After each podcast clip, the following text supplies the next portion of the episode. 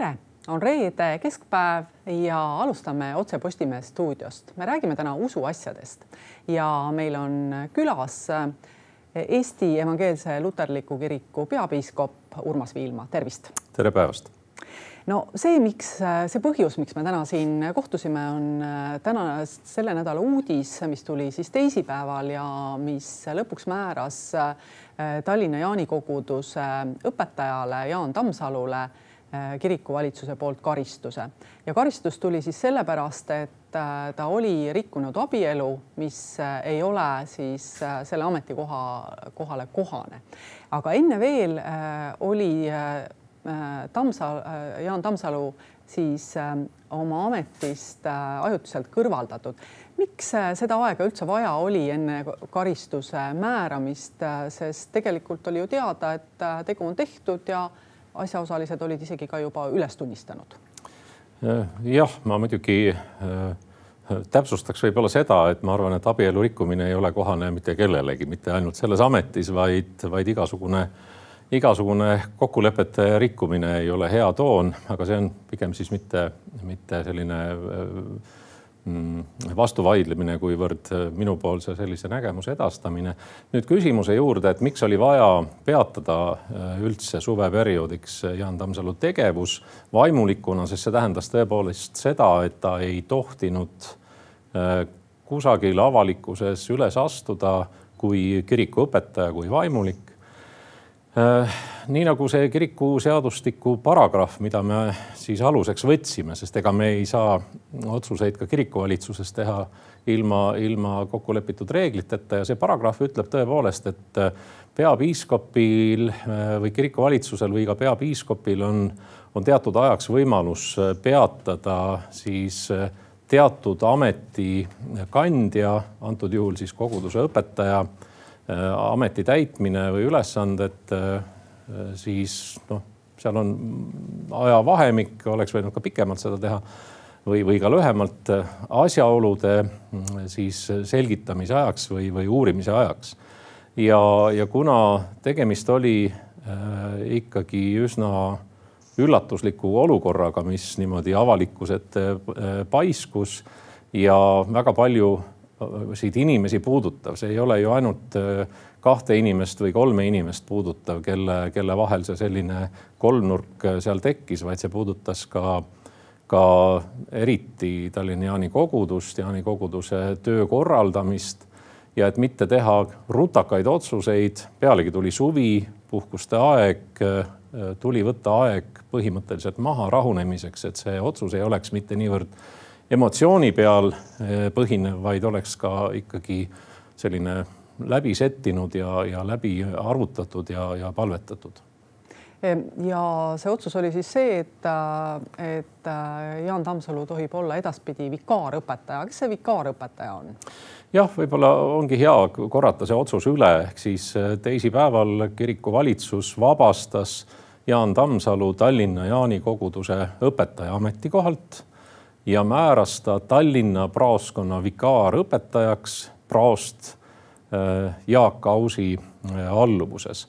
Äh, vikaar on vaimulik kirikuõpetaja või vaimulik või pastor, siin on mitu, mitu mõistet võimalik kasutada, kes täidab kas väga konkreetset ja kitsast ülesannet, mis talle on antud või vastupidi, tal ei ole ühtegi konkreetset kogudust näiteks teenida või juhtida ja ta on vaimulik, kellel on oma selline vaba tegutsemise õigus, aga ainult nii palju, kui teda kuhugi kutsutakse või kaasatakse. antud juhul tähendab see seda, et Jaan Tammsalu ei saa väga omal initsiatiivil minna kuhugi jumalateenistusi pidama või, või ka äh, matma või ristima, vaid äh, ta peab selle alati kooskõlastama siis praost Jaak Ausiga või vastupidi, siis praost Jaak Aus äh, lepib temaga kokku äh, üldised reeglid, kuidas Jaan Tammsalu tegutseb. Ja, ja see on ka üks osa meie otsuse punktidest, et, et äh, oktoobrikuu alguseks peab praost esitama selle teenimiskorra siis kiriku valitsusele ka ülevaatamiseks ja kinnitamiseks kas see tähendab tegelikult seda, et, et Jaan Tammsalu võib edasi jutlusi pidada, juhul kui teda kusagile kutsutakse, et, et küsimus on lihtsalt selles, et mis siis on selle karistuse mõte? ja see tähendab seda, et tal on õigus pidada jutluseid ja, ja teenida edasi ka, ka muul moel, nii nagu kirikuõpetaja seda teeb, aga äh, selle ruumi, tema tegutsemise ruumi äh, määrab praegu kindlaks äh, ikkagi äh, praost äh, Jaak Aus või see lepitakse omavahel kokku. ja miks, miks see vajalik on ja kas midagi muutub? põhimõtteliselt võiks ka tekkida olukord, kus mm, praoskonna vikaarõpetaja praost lihtsalt lepibki kokku, et kui sind kuhugi kutsutakse, siis mine, aga antud juhul on kirikuvalitsus ka indikeerinud siis sellise soovi praostile et senikaua, kuni äh, Jaan Tammsalul ei ole oma elu, oma isiklikku elu ära korraldatud, äh, nii kaua peaks äh, pigem hoidma Jaan Tammsalu aktiivset tegevust tagasi vaimulikuna just nimelt sellepärast, et, et see vahe tekiks, mille kohta te küsite. et senikaua, kuni, kuni Jaan Tammsalu ei ole oma isiklikku elu ära korraldanud, senikaua praost on siis see, kes, kes tema tegevust piirab ja võib ka luua teatud erandeid, et erandjuhul äh, kokkuleppel siis Jaan Tammsaluga äh, noh, lubatakse tal midagi teha. noh, siin on juttu olnud, Jaan Tammsalu on olnud ka näiteks äh, kord kvartalis Brüsselis tegutseva Eesti koguduse vaimulik teenija, ta on sõitnud siit, et, et Brüsseli eestlasi teenida. ja, ja seal nüüd on juba see erand teatud mõttes tehtud, et, et kui järgmine sügisel järgmine jumalateenistus Brüsselis toimub, sinna on teda lubatud. aga tõenäoliselt ei näe Jaan Tammsalu mm, mõnda aega näiteks aktiivselt Jaani kirikus vaimulikuna tegutsemas aga kuidas see siis ikkagi niimoodi on, et, et mis on selle kasu, karistuse mõju, sellepärast et ega see ei olnud ju temal esimene kord ja, ja see tegelikult oli ju tema neljas abielu, ilmselt siis on ees ootamas tõenäoliselt viies abielu. no spekuleerime, et kahjuks ta ise ei tulnud täna siia, sellepärast et ta oli lubanud ühele konkureerivale meediamajale, et enne kui sealne toode ei ole valmis, et enne ta seletusi ei anna. Aga et, et ikkagi, et kui teie nüüd püüate selgitada, et, et et äh, kui ta jätkab samas vaimus, et äh, kas see ongi siis äh, nagu normaalne ja läheme edasi, vahetame lihtsalt võib-olla kogudusi, vahetame natukene töökohti? no ei ole normaalne ja eks me püüamegi ju seda, seda sõnumit anda, et see ei ole normaalne, kui me ei oleks midagi teinud, oleks nüüd pärast suvel vahepeal maha võetud aja Äh, akent äh, ennistanud Jaan Tammsalu Jaani koguduse õpetajaks, siis võiks öelda, et midagi ei ole juhtunud. aga äh, Jaani kogudus on ikkagi Eesti üks suurimaid kogudusi. Jaan Tammsalu ka ise on vaimulikuna üks, üks enim avalikkuse tähelepanu all olevatest vaimulikest ja tal ei ole täna võimalik nüüd seda Jaani koguduses olevat koguduse ülemõpetaja positsiooni kasutades äh, olla avalikkuses pillil sellisel kujul, nagu üks, üks kogudusõpetaja saaks seda teha, ehk siis tal ei ole, tal ei ole seda ametit, mis võiks eeldada, et teda kutsutakse igale poole ja, ja teda kasutatakse. jah, äh, on tõenäoliselt kõikidel vaimulikel ju ka oma selline ring inimesi, kellega ollakse isiklikumalt seotud, ollakse perekondlikult seotud, ollakse ristinud lapsed, laulatanud abielusid, matnud äh, vanaemasid. Ja, ja need suhted jäävad ka endiselt toimima, aga siin ei ole ikkagi praegu nõnda, et Jaan Tammsalu võib öelda lihtsalt, kui tema poole pöördutakse, jah, ma tulen, vaid, vaid äh, loogiline on et need kogudused, kuhu need inimesed kuuluvad, selle koguduse alt ikkagi korraldatakse need ametitalitused ja kui soovitakse Jaan Tammsalu, siis praost ütleb, kas Jaan saab seda teha või Jaan seda ei saa teha. kas see ikkagi on äh, piisav karistus teie arvates, et kas see paneb inimest äh, mingis suunas äh, enda tegusid ümber hindama või, või see lihtsalt ütleme, et lähebki niimoodi edasi? no me arutasime kirikuvalitsus lisaks sellele, et meil oli kolm kuud aega kõigil selle teema üle mõtiskleda ja, ja oli ka korduvaid kohtumisi minul endal Jaan Tammsaluga. me ikkagi arutasime neli tundi, teatud mõttes nagu peenhäälestasime seda otsust neli tundi, et mis on proportsionaalne, mis on õige, mis ei ole õige ja äh, tõsi, mul ei tule ühtegi juhtumit täna meelde äh, kus meil oleks tegemist äh, nii äh, ütleme siis sellise korduva mustriga, et kus vaimulikul selline olukord tekib korduvalt ja korduvalt ja kirikuvalitsus peab seda, seda menetlema, ehk siis selles mõttes on ta natukene pretsedenti loov. samas me pidime ka ju jälgima seda, et äh, me ei karistaks Jaan Tammsalu kuidagi teisiti, kui me oleme varem karistanud vaimulikke sarnase äh, teo puhul. ehk siis ka see moment pidi olema siin, siinjuures ja, ja teine asi. Hmm, ma arvan, et äh, Jaan Tammsalu vaimulikuna, kelle, kelle jaoks ka avalikkuses viibimine on olnud omamoodi oluline, ta on seda väga aktiivselt teinud, tema, tema võimalus vähemalt ametikoha järgselt olla avalikkuse tähelepanu all võiks väheneda. see nüüd hakkab sõltuma hoopis sellest, kui palju teda hakatakse kuhugi kutsuma. kas ka võiks siis öelda avalikkus arvestab sellega, et Jaan Tammsalul on selline teatud mõttes karistus määratud, et ta peaks pigem, pigem tagasi ennast hoidma ja, ja oma asjadega, oma isiklike asjadega korda saama. ja, ja loomulikult sõltub see ka praostist, kes siis peab selle nõndanimetatud ruumi suuruse kindlaks määrama aga kui kaua see karistus äh, tavaliselt siis kestab, et äh, kas on äh, nii, et teed oma asjad korda, ütled, et ma enam ei tee ja siis saab, kuidas ma ütlen, minna tagasi oma igapäevaste tegemiste juurde või on seal mingeid kriteeriume veel, mida vaadatakse ja, ja kuidas neid siis üldse vaadata?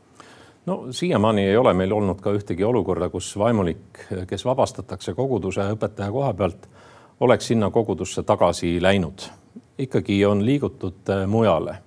nüüd äh, me peame arvestama ka sellega, et, Jaan Tammsalu äh, on teatud mõttes selline emerituuri eelses vanuses, tal on kirikukohase pensionini või emerituurini aega mõned aastad, mis tähendab seda, et, et et äh, nii nagu muidu on toimitud, et pakutakse õpetajale järgmist kogudust kusagil mujal, äh, see päris siin ei ole mõistlik. Ja teine asi on, keegi päris tabavalt küsis, et aga miks, miks need moraalsed normid, mis nüüd e-, Tallinnas on lubamatud, miks nad mujal võiksid olla lubatud, ehk siis kas mõni kogudus soovib Jaan Tammsalut oma õpetajaks, siis küllap nad hakkavad ka, ka teda kutsuma. aga siin on ka teine pool kõik, need kohad, kuhu Jaan Tammsalu võiks kandideerida, sinna peab peapiiskop andma kandideerimisloa. teoreetiliselt, äh, kui peaks Jaani kogudus ühel päeval vakantseks jääma, teoreetiliselt võib Jaan Tammsalu sinna ka kandideerida, aga siin on nüüd peapiiskopi ehk siis minu, äh, minu otsus ja, ja ma täna julgen küll öelda, et ma ei anna Jaan Tammsalule sellisel puhul kandideerimisluba. nii et päris tagasi endise olukorra juurde naasta Jaan Tammsalu ei saa. Eh, mis veel need nüansid on, nagu ma juba ütlesin, eh, meie ootus, nii kiriku valitsuse kui praosti ootus on tegelikult see, et me tahame näha, kuidas Jaan Tammsalu oma isiklikud asjad korda seab, sest vaimulikena saavad tegutseda meil ikkagi inimesed kelle isiklikku elu on korras. see korras tähendab äh, teatud äh, moraalireeglite järgimist loomulikult. see tähendab seda, et kas vaimulik on, on vallaline või, või üksik ja tal ei ole mingisuguseid suhteid, äh, mis kuidagi suhetena kvalifitseeruvad või mis oleks kõigile näha ja märgata, et inimene tegelikult on kellegagi koos või käib kellegagi või, või elab lausa koos. teiseks saab vaimulik olla abielus ja, ja, ja see samamoodi ilma igasuguste kõrval, kõrvalsuheteta. ja kolmandaks, kui abielu läheb, läheb siis, jookseb karile erinevatel põhjustel, siis peab toimuma väga selgelt selle abielu kas siis lõpetamine, lahutamine ja uus suhe peab või võib tekkida alles pärast seda, kui, kui see eelmine on, on ära korraldatud. täna me oleme olukorras, kus, kus siin on olnud nende, nende asjade kattuvus. Ja, ja kirikuvalitsus ootab nüüd, et Jaan Tammsalu oma, oma senise suhte äh, siis ära korraldaks. Meie ei saa öelda, kas me ei saa kohustada Jaan Tammsalut lahutama, me hea meelega tahaksime, et inimesed lepiksid ja, ja saaksid uuesti kokku, aga see on juba nende isiklik elu. ehk siis meie ootus on see, et Jaan Tammsalu äh, nüüd selle, nende kuude jooksul, mis, mis tal siis aega on neid asju korraldada, äh, korraldaks nad, nad ära ja edasi, kui ta tahab teenida kirikus peaks olema see suhe, tema isiklik suhe väga konkreetne, kas ta siis on vallaline, elab siis nii-öelda tsölipaadis või, või uut suhet luues on see ametlik? Kui me vaatame natuke kirikule laiemalt, siis äh, aegade jooksul on äh, joonistunud välja kaks trendi. esiteks see, et äh, luterlaste osakaal rahvastikus väheneb parandage mind, viimati lugesin niisugust numbrit nagu seitse koma millegiga protsenti rahvastikust mm -hmm. pidasid ennast luterlasteks ja, ja alla saja viiekümne tuhande on siis erinevate koguduste nimekirjas inimesi nüüd just nimelt luteri kirikus. ja, ja see, see ütleme ka arv ju ajas muutub. Teiselt poolt on see, et, et on teatud nooremad siis kirikuõpetajad, kes on just nimelt nooremate hulgas populaarsed. Ja populaarsed ei ole nad mitte sellepärast, et et nad on väga võib-olla kõvad teoloogid, nad võivad ka seda olla, lihtsalt äh, võib-olla tavakodanik ei oska seda hinnata, aga nad äh, on natuke leebemad ja nad äh, ei nõua võib-olla siis ühelt tavaliselt usklikult nii palju, kui vanasti võib-olla mõni vanem kolleeg nõudis ja, ja, ja kuidas te seda vastuolu kuidas te sellele vastu lähete, et, et ühelt poolt tõepoolest, et kui noori, noori tahta köita, siis äh, nad ootavad ikkagi äh, leebemat suhtumist ja teiselt poolt äh, no kui me vaatame kasvõi, et kui meil on praktiliselt pool kõigist tavalistest abieludest on juba vabaabielud ja kui me vaatame veel nooremaid inimesi, siis see osakaal on kindlasti suurem. Et kuidas, kuidas need asjad siis kokku lähevad? Või on ikkagi luteri kirik määratud sellele, et, et hääbumine kestab edasi? noh, tegelikult eks me peame vaatama luteri kirikut ju kontekstis Eesti usulisel maastikul tervikuna, et siis võiks küsida, et kus on siis suuruselt järgmised, et kui ma arvan, et mm, õigeusu kirik, millest äh, suurema osa moodustab venekeelne elanikkond, äh, me selle, seda võiksime nagu vaadata hetkel korraks tõsta kõrvale, vaadata eraldi. Äh, ja seal on ka pereküsimustes väga konservatiivsed väärtused ja ei saa just öelda, et seal oleks, oleks aktiivne langus nende liikmete hulgas. aga kui me vaatame nüüd ülejäänud võib-olla siis lääne kristlasi esindavaid kirikuid, siis kui luteri kirik on, on hetkel niimoodi tähelepanu all ja valgusvihus ja oma, oma vähenemisega, siis, siis järgmisel kohal sellesama statistika järgi, rahvaloenduse järgi kahekümne esimesest aastast äh, järgmiste ja luteri kiriku vahe on kümnekordne. ja ka seal me ei näe nagu suurt buumi. tõsi, äh, moslemi kogukond kasvab, kes ei ole küll kristlik kirik, äh, ka katoliiklased kasvavad, aga, aga seal on hoopis teised põhjused, ehk see ei ole nagu õpetuslikud küsimused see, kui palju inimesi te tegelikult toimib ja käitub nii-öelda protestantliku eetika kohaselt või, või luterliku õpetuse või eluviisi ja kultuuri kohaselt, ma arvan, et suur osa eestikeelsest elanikkonnast teeb seda. meie häda, julgen ma väita, eriti täna teadmiste päeval, on see, et, et äh, me, inimesed enam ei, ei suuda või ei tea või ei oska ennast ära siduda, et see eluviis, see kultuur, äh, mida inimesed oma elamisega harrastavad, ongi äh, euroopalik äh, läänekristlik eluviis, mida noh, näiteks Soomes nimetatakse, et ma olen luterlane. Eestis ei õpetata inimesi ennast siduma ja, ja, ja see on paljuski seotud meie, meie tänase nii-öelda hariduse puudujääkidega koolis. aga küsimus ei ole ju teha inimestele leevendusi ma arvan, et ka needsamad, äh, te nimetasite nooremad äh, vaimulikud, äh, ka nemad ei tee oma õpetuses tegelikult leevendusi. küsimus on, kuidas sa inimesena toimid, et põhimõtteliselt, kui kõik inimesed on patused, kes sul on pühapäeval kiriku, kirikus ja sina ise ka seal altaris või kantslis oled see patune, siis, siis on see üks, üks patuste kogukond, mille puhul hakata ükshaaval üles lugema, et vot sinul on see patt ja sinul on see patt ja minul on see patt, ei, ei oma äh, tähendust. tähendust omab see, et me tajume oma ekslikkust, oma puudulikkust ja, ja see, mida kantslitest kuulutatakse, on tegelikult see, et kui me oma puudulikkust tunnistame, kui me oma eksimusi tunnistame, kui me oma patu ära tunneme, üles tunnistame nii Jumalale või ka ligimesele, kui me oleme oma, oma lähedaste vastu midagi teinud, eh, siis Jumal on ka armulik ja armuline. ma arvan, et see on tegelikult see sõnum, mida, mida kirikutes kuulutatakse ja ei ole vahet siin, ma usun, ka vaimulike põlvkonnal. jah, eh, avalikkus suunab meid kõnelema konkreetselt teatud küsimustes, et eh, noh, me praegu tegeleme kümne käsust ühe konkreetse käsuga ära riku abielu. aga sealt kohe järgmine on ära varasta. kui meil nüüd oleks, kui meil nüüd oleks keegi sellises olukorras vaimulikuna, et ta on tabatud varastamiselt, siis tekib küsimus, et huvitav, kas siis tekiks ka samasugune poleemika.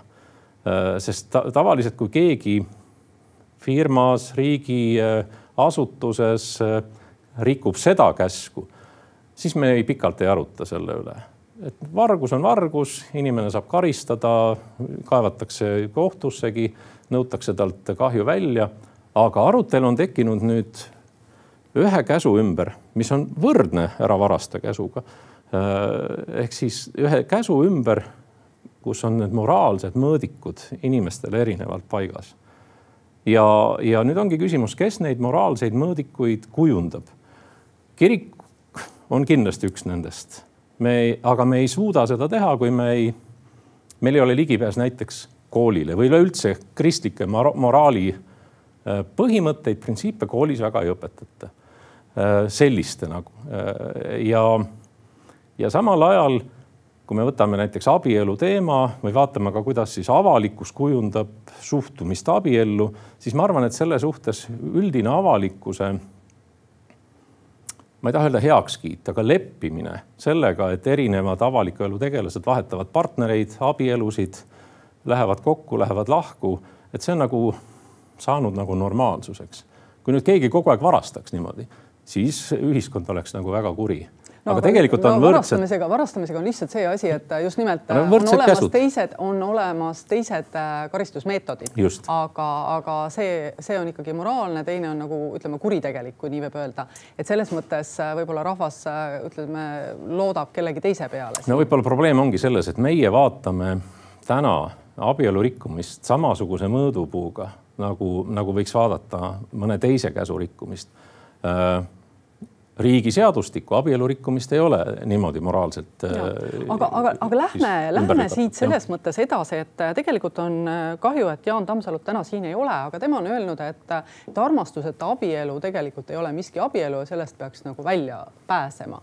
et ähm, kuidas teie seda kommenteerite, et, et miks siis, miks siis ei võiks ikkagi öelda, et tõepoolest armastus on tähtsam kui see mingi juriidiline paber Äh,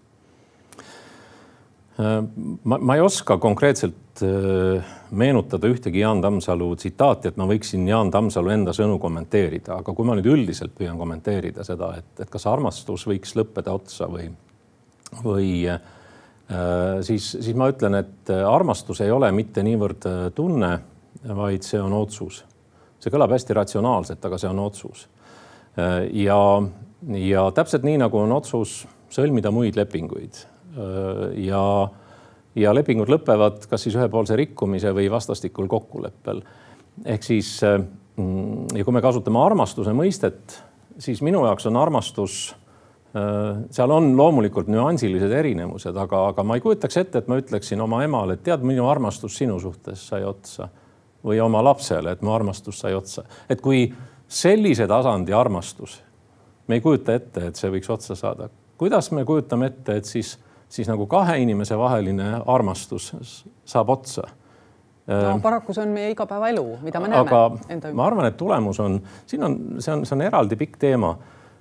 küsimus on, kuidas see suhe tekkis, millel see põhines, kas seal oli armastus või oli seal midagi muud ja kas selle suhte püsimiseks näevad mõlemad pooled ka vaeva või mitte. meil on ka olukordi, kus, kus vanemad hülgavad lapsed või lapsed jätavad oma vanemad. Aga, aga ma arvan, et see ei ole, see ei ole nagu normaalsus, ehk siis minu jaoks äh, juba ette anda sõnum, et teate, et minge, minge kokku, et ma tulen ja laulatan teid, aga noh, arvestage sellega, et armastus võib ühel päeval otsa saada. tähendab sisuliselt seda, et kui teil nüüd tekivad probleemid, ärge nähke nendega vaeva, minge laiali. ehk siis äh, ma ei saa sellist sõnumit äh, kuidagi näiteks kirikuõpetajana edastada, ma saan edastada seda, et me eksime. me peame oma eksimusi tunnistama, me peame andeks paluma.